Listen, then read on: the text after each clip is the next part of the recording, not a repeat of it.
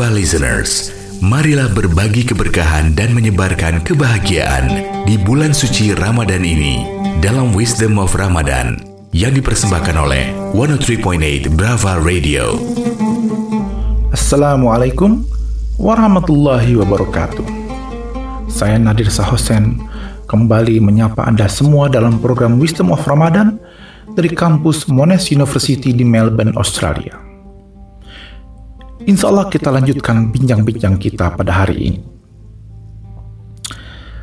Syekh Ibnu Atta'illah dalam kitabnya Al-Hikam berulang kali mengingatkan kita mengenai persoalan pemberian dan penolakan. Begitu juga masalah ujian kehidupan.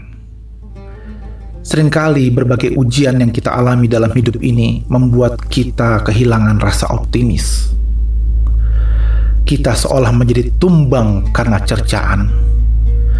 Kita kemudian melayang karena pujian. Padahal di balik pujian juga ada ujian. Di balik ujian ada rahmat dan kasih sayang Allah Subhanahu wa taala.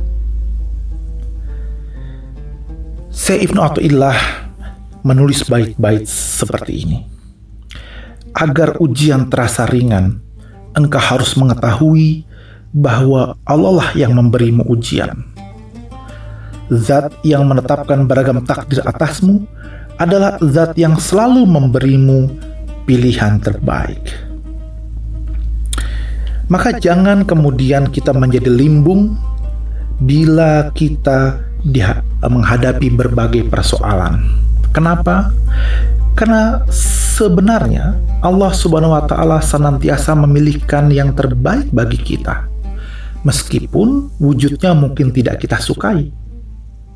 Dan setiap pilihan yang diberikan Allah kepada kita, pastilah sesuai dengan keadaan kita. Apa yang Allah berikan kepada kita, itulah yang terbaik.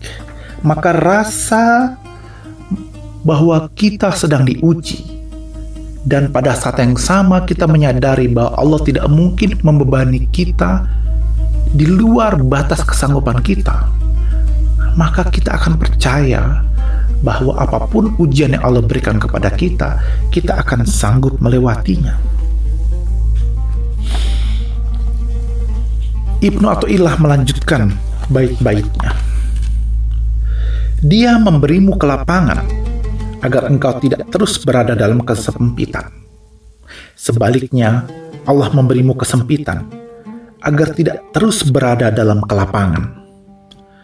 Lalu dia mengeluarkanmu dari keduanya agar tidak bergantung kepada selainnya. Kalimat yang indah dari Ibnu Athaillah ber, bermakna cermatilah sentuhan lembutnya kepada kita. Allah sengaja menghadirkan dua keadaan silih berganti, kelapangan dan kesempitan Allah ingin membuat kita tetap tersadar bahwa ada Allah yang mengatur hidup kita. Karena itu, baik di saat sedang lapang maupun sedang sempit, kita tetap harus optimis menjalani kehidupan ini.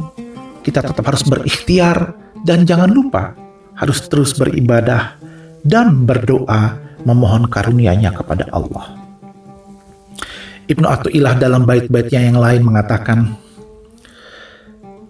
Tahaqqaq bi awsafika yamuddaka bi awsafihi Tahaqqaq bidzalika yamuddaka bi izzihi Tahaqqaq bi ajzika yamuddaka bi qudratihi Tahaqqaq bi du'fika yamuddaka bi haulihi wa quwwatihi.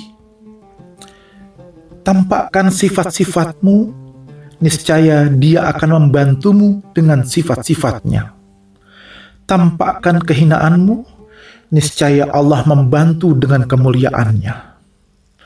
Tampakkan kelemahanmu, niscaya Allah membantu dengan kekuasaannya. Tampakkan ketidakberdayaanmu, niscaya Allah membantu dengan daya dan kekuatannya.